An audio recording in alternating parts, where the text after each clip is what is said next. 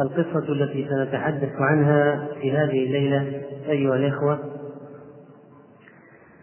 قصة قصها علينا النبي صلى الله عليه وسلم من أخبار الأنبياء ممن كان قبلنا. لقد كان في قصصهم عبرة لأولي الألباب. ما كان حديثا يفترى. وهذه القصة هي قصة بناء الكعبة.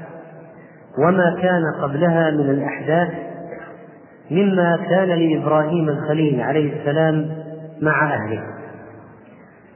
وقد ساق الإمام البخاري رحمه الله تعالى هذا الحديث مطولا وهذه إحدى روايات الحديث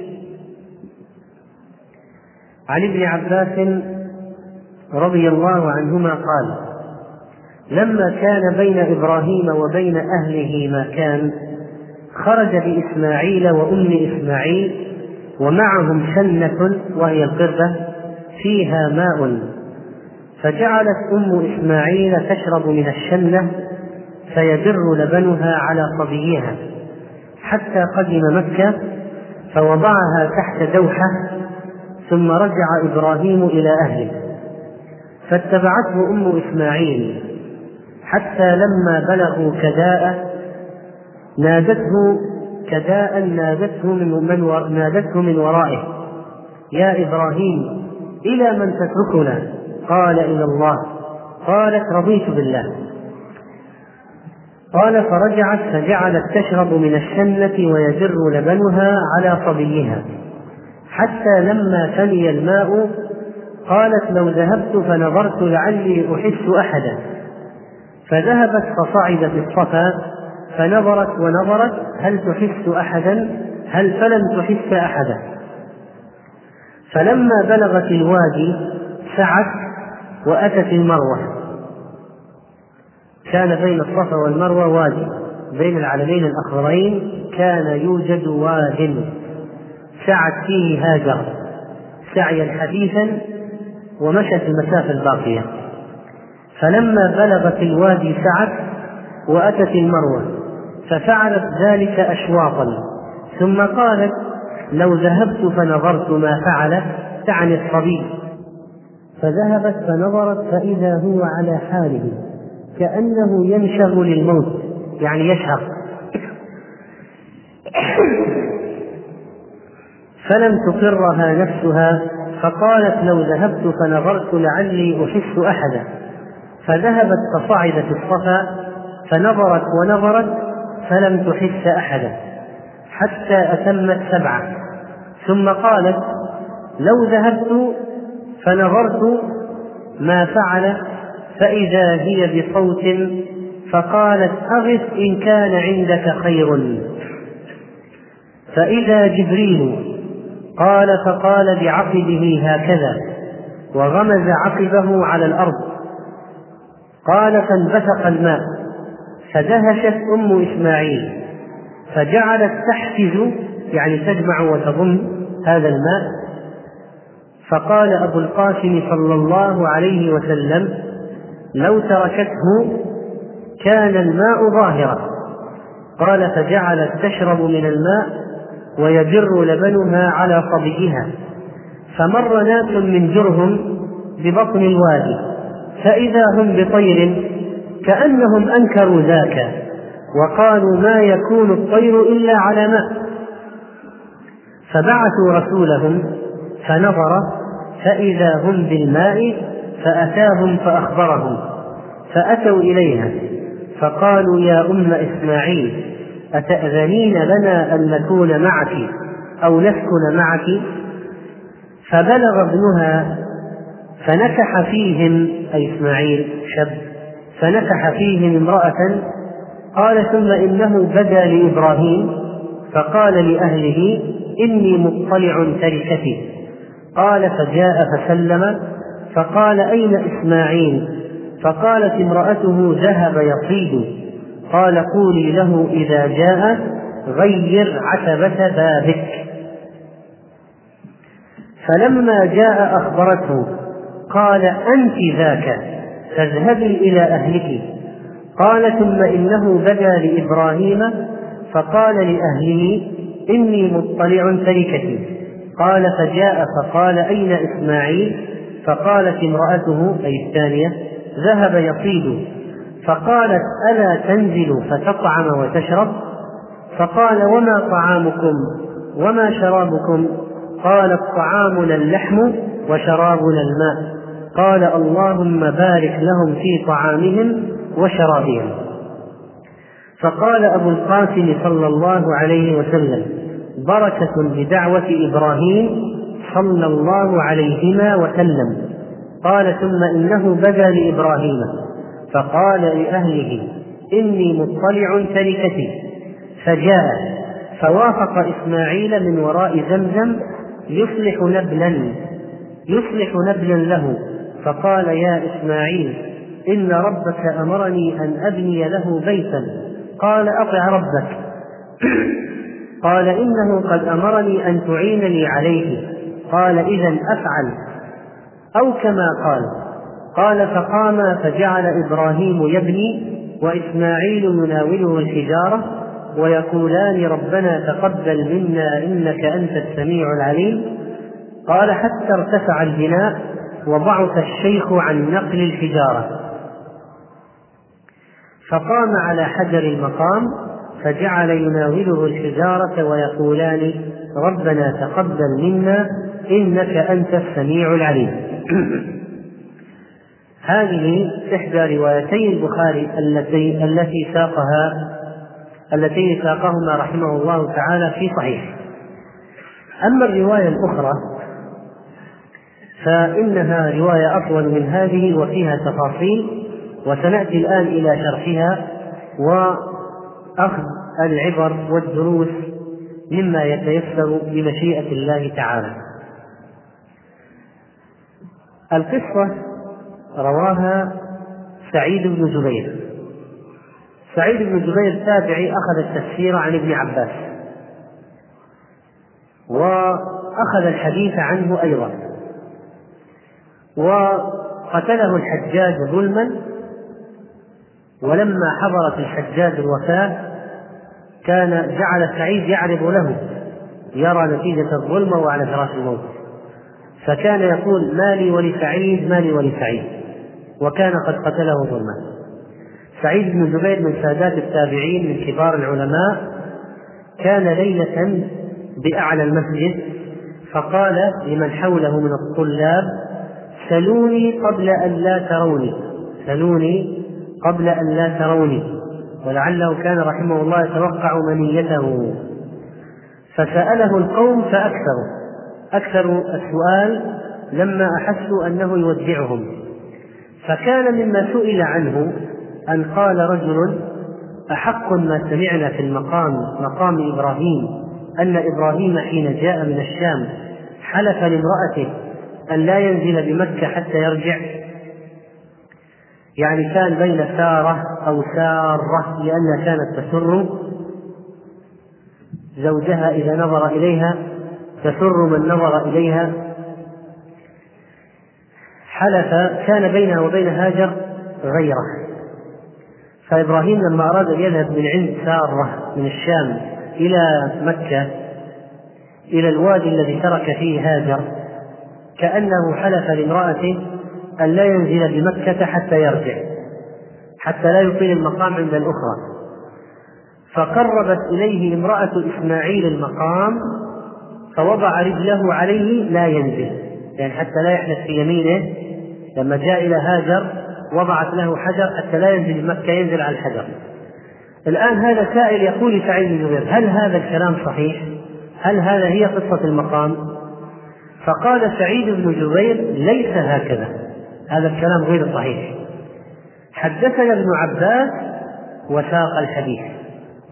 وفي رواية قال يا معشر الشباب سلوني فإني قد أوشكت أن أذهب من بين أظهركم فأكثر الناس مسألته. فقال له رجل أصلحك الله أرأيت هذا المقام؟ هو كما نتحدث. وأورد لهم سؤالا مشابها فقال ليس كذلك ثم ساق القصة. القصة الأخرى التي رواها البخاري رحمه الله في السياق الآخر عن سعيد بن جبير عن ابن عباس. قال أول ما اتخذ أول ما اتخذ النساء المنطقة من قبل أم إسماعيل. المنطق اللي يشبه الغرب.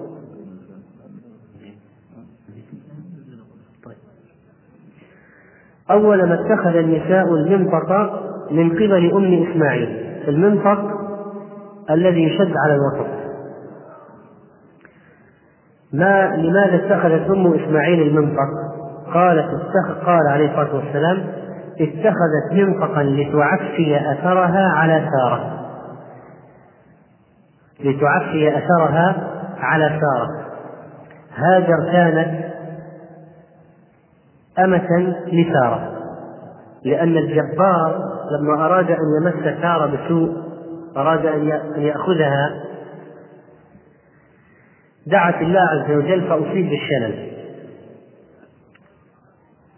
ثلاث مرات يحاول أن يمس سارة بسوء والله سبحانه وتعالى يصيبه بالشلل. في النهاية قال لمن أتاه بها إنك لم تأتني بإنسان إنما أتيتني بشيطان. فخلى سبيل سارة وأعطاها هاجر. هاجر كانت عند الجبار الملك الظالم الذي أخذها الذي أخذ سارة. أعطاها هاجر خادم أعطاها أخدمها هاجر وأطلق سراحها. رجعت سارة إلى إبراهيم قالت له أخذ الله الفاجر وأخدم هاجر. ثم إن سارة وهبت هاجر لزوجها إبراهيم.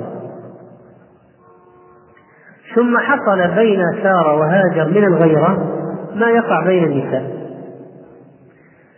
وإن سارة لما اشتدت بها الغيرة خرج إبراهيم بإسماعيل وأم هاجر إلى مكة لأجل ذلك. وقد أمره الله تعالى بالخروج إلى مكة. أمره الله بالخروج واجتمع مع ذلك سبب الغيرة. اجتمع مع ذلك سبب الغيرة فحتى لا تعرف سارة اتجاه هاجر وأثرها أين ذهبت؟ اتخذت منطقا يشد على الوسط ويزحف وراءها على الأرض ليخفي أثر مشيها. ليخفي أثر مشيها. فجاء إبراهيم بهاجر من الشام إلى مكة وبابنها إسماعيل وهي ترضعه يعني لا زال رضيعا حتى وضعهما عند البيت. طبعا ما كان الكعبة ما كانت مبنية ولا موجودة وإنما في مكان البيت في مكان الكعبة. عند دوحة فوق زمزم قبل أن تكون زمزم. وضعهما عند دوحة يعني الشجرة الكبيرة فوق الزمزم أو فوق زمزم. في أعلى المسجد مكان المسجد الذي لم يكن قد بني حينئذ. وليس بمكة يومئذ أحد وليس بها ماء. فوضعهما هنالك ووضع عندهما جرابا فيه تمر. ووضع عندهما جراب جرابا فيه تمر. وسقاء فيه ماء وطعام لأهله الذين تركهم بأمر الله. ثم قف إبراهيم منطلقا. يعني وضع هاجر وابنه إسماعيل في هذا المكان الوادي المقفر ورجع إلى الشام. فتبعته أم إسماعيل. لما ولى راجعا إلى الشام تبعته أم إسماعيل. فأدركته بكداء كداء موضع معروف في مكة. غير كدى هناك في مكة في مكة مكانان. كداء كداء وكدى كداء وكدى ف وكلاهما مكان معروف. أم إسماعيل لما ولى زوجها إبراهيم لما ولى إبراهيم خرجت وراءه تطلوه فأدركته بكذا. فقالت يا إبراهيم أين تذهب وتتركنا بهذا الوادي؟ الذي ليس فيه إنس ولا شيء. لا إنس ولا شيء. فقالت له ذلك مرارا وجعل لا يلتفت إليها. فقالت له الله الذي أمرك بهذا؟ قال نعم. قالت إذا لا يضيعونه. إذا لا يضيعونه. وقالت في رواية رضيت بالله. حسبي يكفيني الله عز وجل. ثم رجعت. فانطلق إبراهيم حتى إذا كان عند الثنية من طريق كداء الموضع الذي دخل النبي صلى الله عليه وسلم مكة منه لما بلغ الثنية حيث لا يرونه لا تراه لا هاجر ما تراه هاجر حيث حيث لا يرونه استقبل بوجهه البيت. استقبل بوجهه مكان الكعبة اتجاه الكعبة. ثم دعا بهؤلاء الكلمات ورفع يديه فقال ربي إني أسكنت من ذريتي بواد غير ذي زرع عند بيتك المحرم حتى بلغ يشكرون. ودعا لهم بأن يرزقهم الله من الطيبات والثمرات. وجعلت أم إسماعيل ترضع إسماعيل وتشرب من ذلك اللبن من ذلك الماء حتى إذا نفد ما في السقاء عطشت وعطش ابنها. وجعلت تنظر إليه يتلوى أو قال يتلفظ يعني يتقلب ظهرا لبطن وبطنا لظهر من العطش. فانطلقت كراهية أن تنظر إليه يعني من الشفقة التي جعلها الله في قلبها. تركت ولدها وانطلقت ما بيدها حيلة المهم أن لا ترى الولد يتلبط ولا تتحمل المنظر. كراهية أن تنظر إليه. فوجدت الصفا أقرب جبل في الأرض يليها. أقرب جبل الصفا. فقامت عليه صعدت على الصفا ثم استقبلت الوادي نظرت إلى جهة الوادي تنظر هل ترى أحدا؟ فلم ترى أحدا. قال عطاء في رواية عطاء بن السائب والوادي يومئذ عميق. طبعا الآن ما في وادي.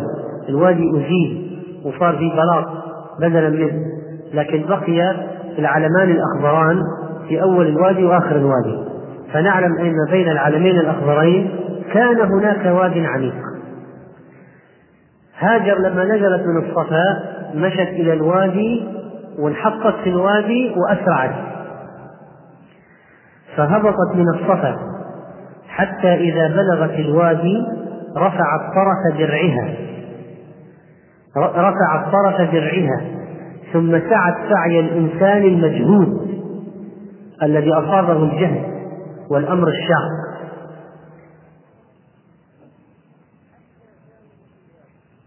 حتى جاوزت الوادي ثم أتت المروة فقامت عليها صعدت جبال المروة ونظرت هل ترى أحدا؟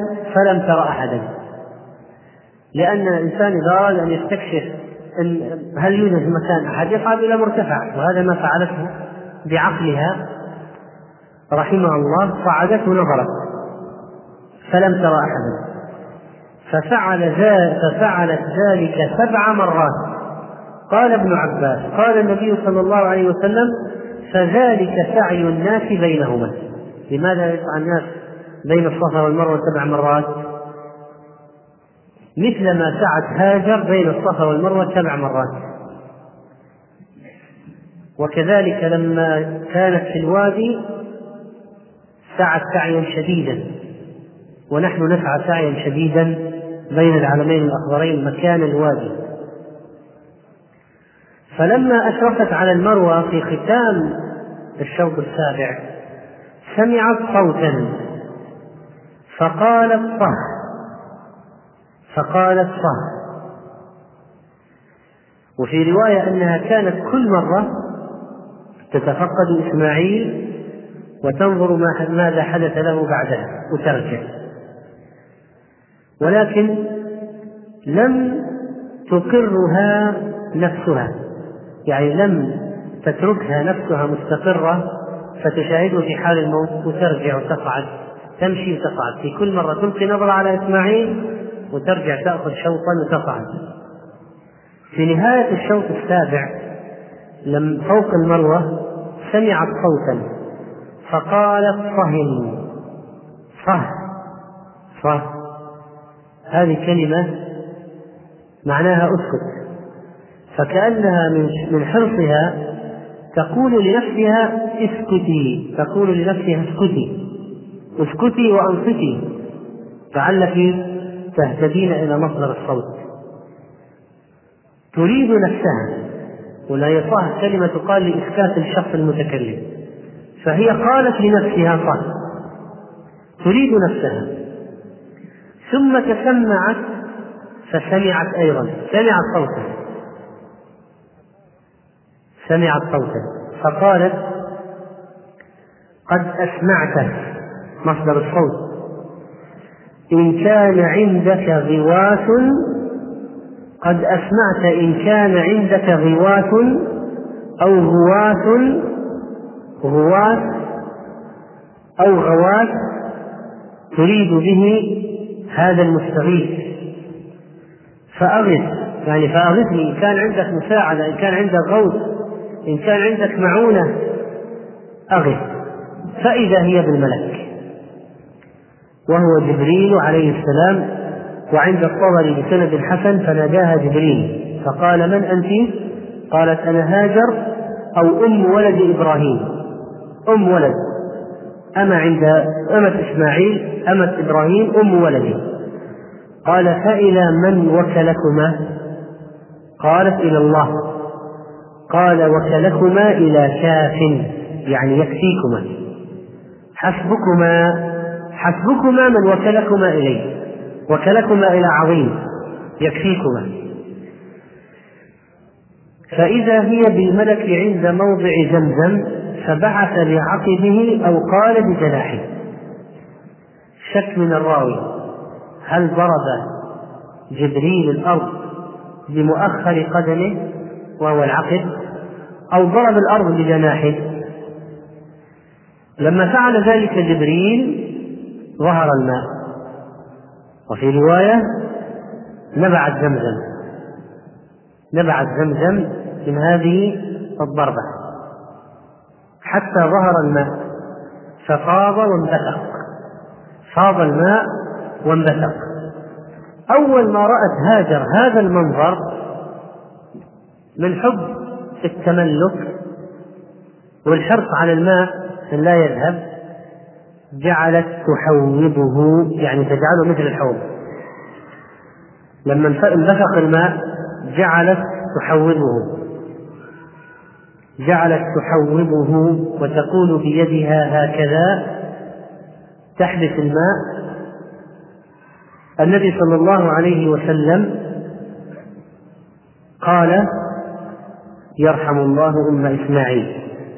لو تركت زمزم أو قال لو لم تغرق من الماء لكانت زمزم عينا معينا.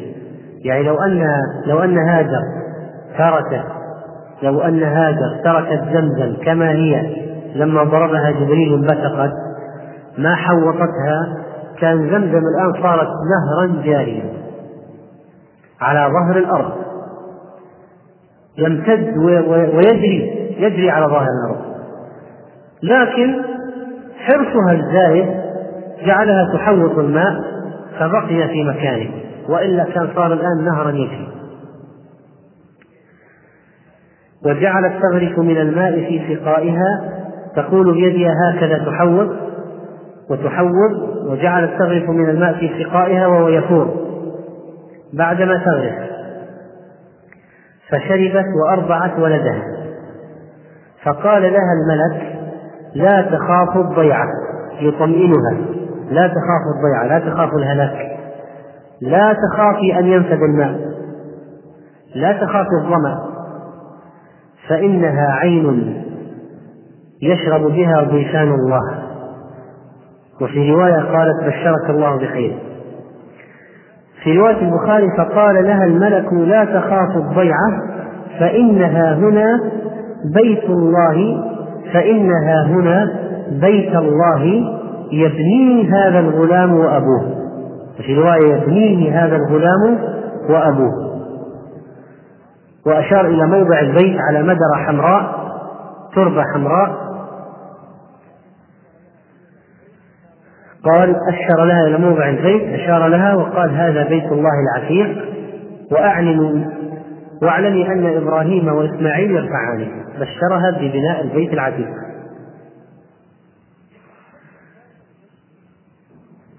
وكان البيت يعني موضع البيت البيت ما بعد بني وكان البيت مرتفعا من الأرض. يقال إن آدم قد بناه في هذا الموضع ولكن البيت قد ذهب بعد ذلك وأن بعض الأنبياء بعد آدم كانوا يحجون إلى المكان ولا يعرفون موضعه. حتى جاء إبراهيم الخليل فبناه. قال فإنها هنا بيت الله يبنيه هذا الغلام أبوه وإن الله لا يضيع أهله. وكان البيت مرتفعا من الأرض كالرابية. مكان البيت مرتفع كالرابية. تأتيه السيول فتأخذ عن يمينه وشماله. تأتيه السيول فتأخذ عن يمينه وشماله. فكانت كذلك حتى مرت بهم رفقة, رفقة من جرهم. قبيلة قبيلة جرهم. بقيت هاجر على هذا الحال تتغذى ولدها على هذا الماء المبارك ماء زمزم الذي هو طعام طعم وشفاء سقم يغني عن الماء. حتى أن أبا ذر رضي الله عنه لما جاء مكة قعد عند زمزم يشرب فقط من زمزم شهرا حتى تكسرت عكن بطنه. يعني سمن حتى صار لبطنه عكن عكن من السمن من زمزم فقط. زمزم لا غير. شهر كامل عند زمزم لذلك يقول النبي صلى الله عليه وسلم عن زمزم طعام طعم وشفاء سقم. تقوم مقام الطعام وهي سبب للشفاء من الأمراض والأسقام. لما جاء هؤلاء الرفقة من جرهم قبيلة جرهم مقبلين من طريق كداء فنزلوا في أسفل مكة فرأوا طائرا عائفا يعني رأوا طائر يحوم فوق. يحوم. يحوم فوق الموضع. فقالوا إن هذا الطائر ليدور على ماء يعني نحن العرب يعرفون أنهم إذا رأوا الطائر يدور في موضع معناها يوجد ماء في هذا الموضع. فاستغربوا استغرب هؤلاء الجرهميون قالوا إن هذا الطائر ليدور على ماء لعهدنا بهذا الوادي وما فيه ماء.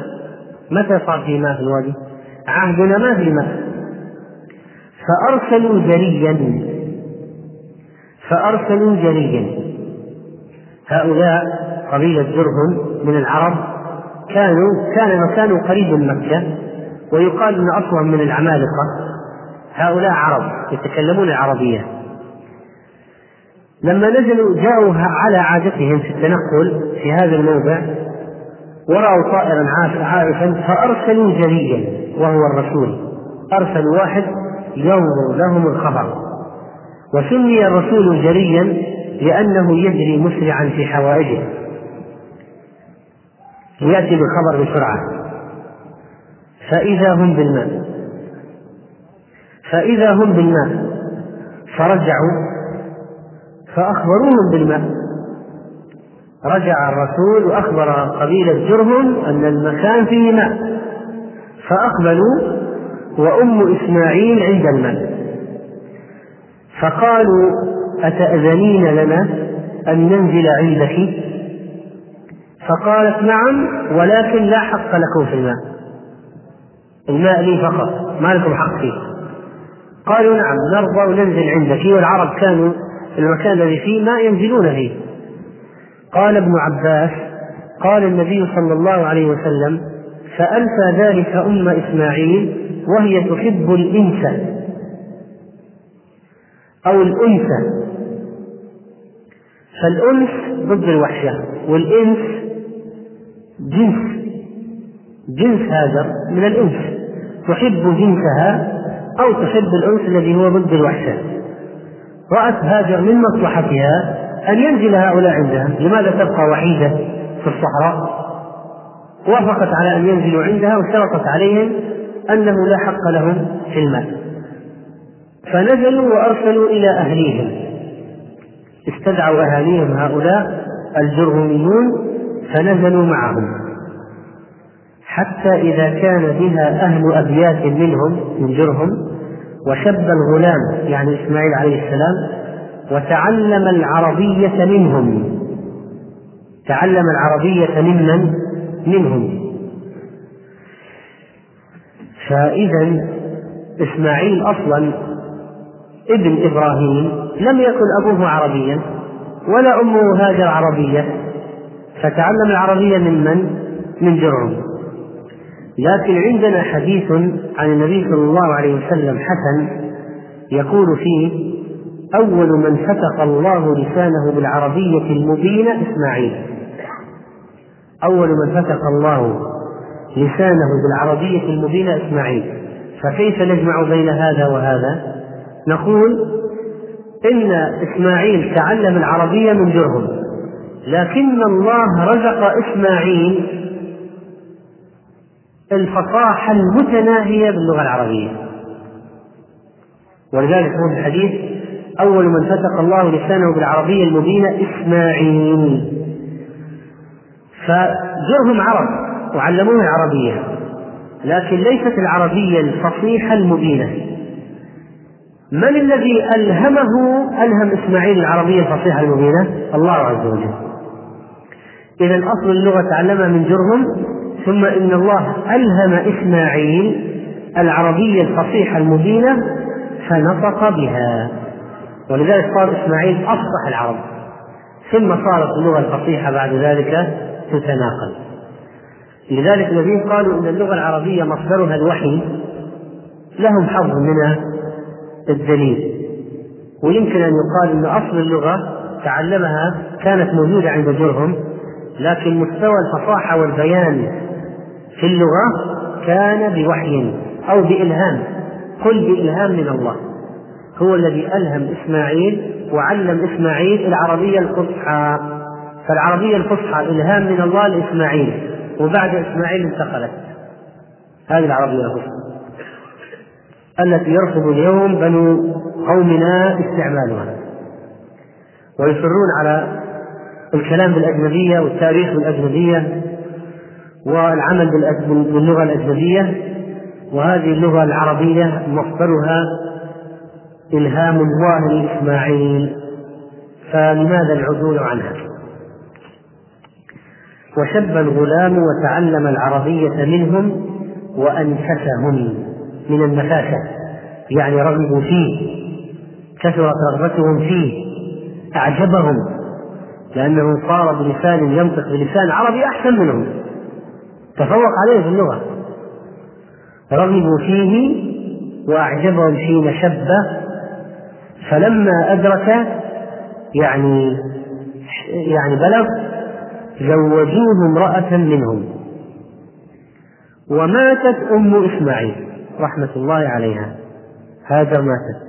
بعد ما تزوج إسماعيل ماتت أمه. ماتت أمه. فجاء إبراهيم بعدما تزوج إسماعيل يطالع تركته يعني يتفقد من تركهم بعد سنوات طويلة. بعد سنوات طويلة جاء يتفقد من تركهم يطالع تركته يقال إن إبراهيم ترك إسماعيل رضيعا وعاد إليه وهو متزوج. وقيل أنه جاء في بعض الروايات أنه كان إذا أراد أن يأتي يتفقد التركة يأتي من الشام على البراق على البراق إلى مكة.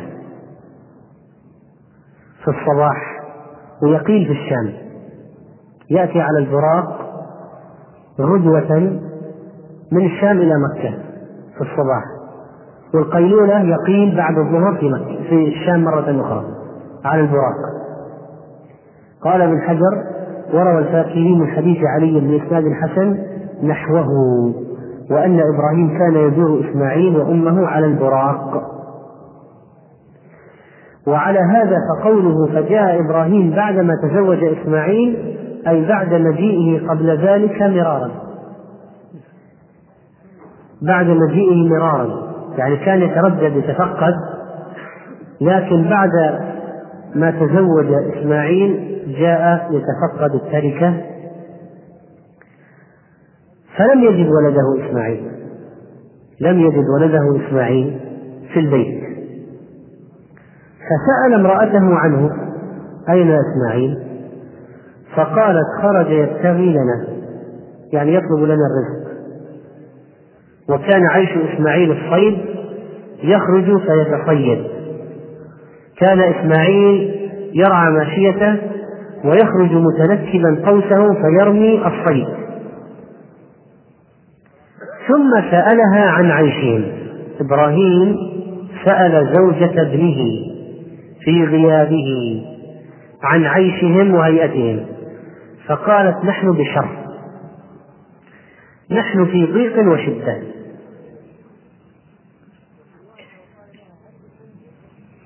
وفي رواية أنه قال لها هل من منزل؟ قالت لا الله إذا ما في منزل. قال فكيف عيشكم؟ فذكرت جهدا.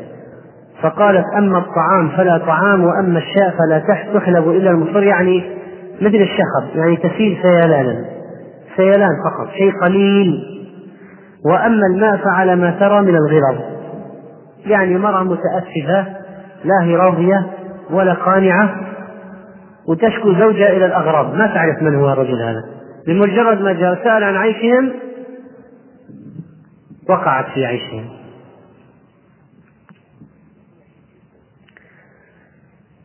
نحن في ضيق وشدة فشكت إليه. قال فإذا جاء زوجك فاقرأي عليه السلام وقولي له يغير عتبة وقولي له يغير عتبة بابه يغير عتبة الباب. فلما جاء إسماعيل كأنه آنس شيئا أحس كأن أحدا جاء أحس بشيء.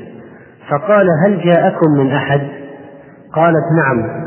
جاءنا شيخ كذا وكذا. يعني وصفت وصفته كالمستخف بشأنه. فسألنا عنك فأخبرته وسألني عن عي كيف عيشنا فأخبرته أن في جهد وشدة. قال فهل أوصاك بشيء؟ يقول إسماعيل للمرأة مرأة هل أوصاك بشيء؟ قالت نعم. أمرني أن أقرأ عليك السلام ويقول غير عتبة بابك قال ذاك أبي وقد أمرني أن أفارقك الحقي بأهلك فطلقها لماذا كن إبراهيم بالعتبة عن المرأة؟ وما هو وجه العلاقة بين العتبة والمرأة؟ عتبة الباب ما هي وظيفتها؟ حفظ الباب صح؟ حفظ الباب. وصون ما هو داخل الباب. وهي محل الوقت. العتبة محل إيش؟ الوقت. فشبه إبراهيم المرأة بعتبة الباب. قال هذه عتبة ما تسوى. غير العتبة. غير العتبة. غير عتبة بابك قال وتزوج منهم أخرى. تزوج من جرهم امرأة أخرى. فلبث عنهم ما شاء فلبث عنهم إبراهيم ما شاء الله. انقطع بعد ذلك إبراهيم ما شاء الله. ثم أتاهم بعد فلم يجده أيضا ما وجد إسماعيل. فدخل على امرأته فسألها عنه فقالت خرج يبتغي لنا. قال كيف أنتم؟ وسألها عن عيشهم وهيئتهم فقالت نحن بخير وسعة.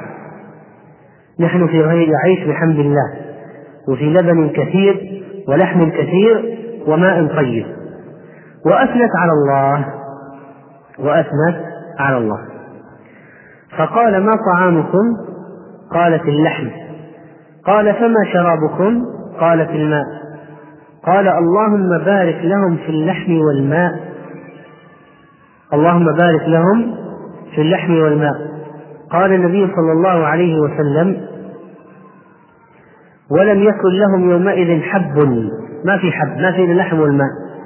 ما في حب ما في قمح ما في رز ما في شيء إلا اللحم والماء. ولو كان لهم دعا لهم فيه. ما في في مكة إلا اللحم والماء. لو كان في شيء آخر كان إبراهيم قال اللهم بارك في مدهم في صاعهم في كيلهم في حبهم في برهم. ما في إلا اللحم والماء. قال عليه الصلاة والسلام فهما لا يخلو عليهما أحد بغير مكة إلا لم يوافقه يقول عليه الصلاة والسلام لو واحد اقتصر على اللحم والماء بغير مكة لاشتكى بطنه. يعني يمرض. يعني لو واحد خلى باللحم والماء في غير مكة يمرض. يمرض. إلا مكة.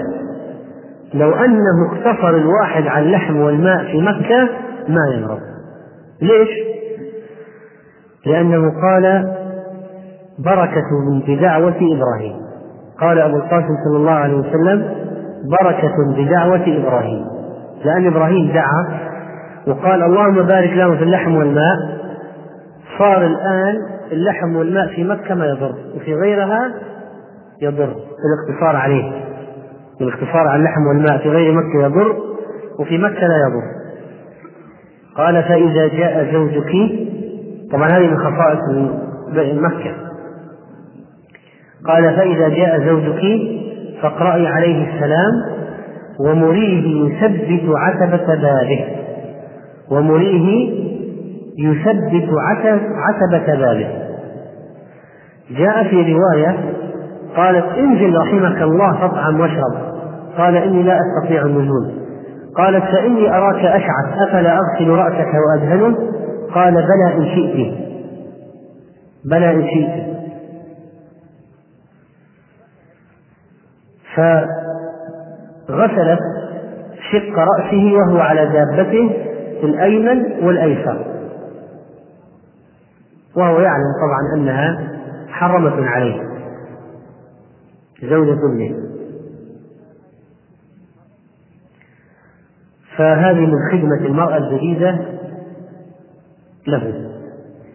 فقال لها فاقرأي عليه السلام ومريه يثبت عتبة بابه فلما جاء إسماعيل قال هل أتاكم من أحد؟ قالت نعم. أتانا شيخ حسن الهيئة. تلك إيش؟ قالت؟ شيخ كذا وكذا. هذه قالت أتانا شيخ حسن الهيئة. وأثنت عليه. فسألني عنك فأخبرته. فسألني كيف عيشنا فأخبرته أن بخير قال فأوصاك بشيء؟ قالت نعم. هو يقرأ عليك السلام ويأمرك أن تثبت عتبة بابك قال ذاك أبي وأنت العتبة أمرني أن أمسكك. في بعض الروايات أن إسماعيل لما رجع وجد ريح أبيه فقال هل جاءك أحد؟ فهذا الذي أشعره بأن أحدا قد جاء ولذلك سأل. قال ثم لبث عنهم ما شاء الله. انقطع عنهم ما شاء الله. ثم جاء بعد ذلك وإسماعيل يبري نبلا. يبري يعني يقلل النبل قبل تركيب النصال عليها. قبل تركيب النصال والريش يبريها يبري نبلا له تحت دوحة قريبا من زمزم. تحت الشجرة قريبا من زمزم. فلما رآه إبراهيم الآن رأى إسماعيل. تقابل الآن مرة ثالثة فصنع كما يصنع الوالد بالولد والولد بالوالد. يعني من الشوق الحماء واللقاء الحار اعتناق ومصافحة وتقبيل اليد ونحو ذلك.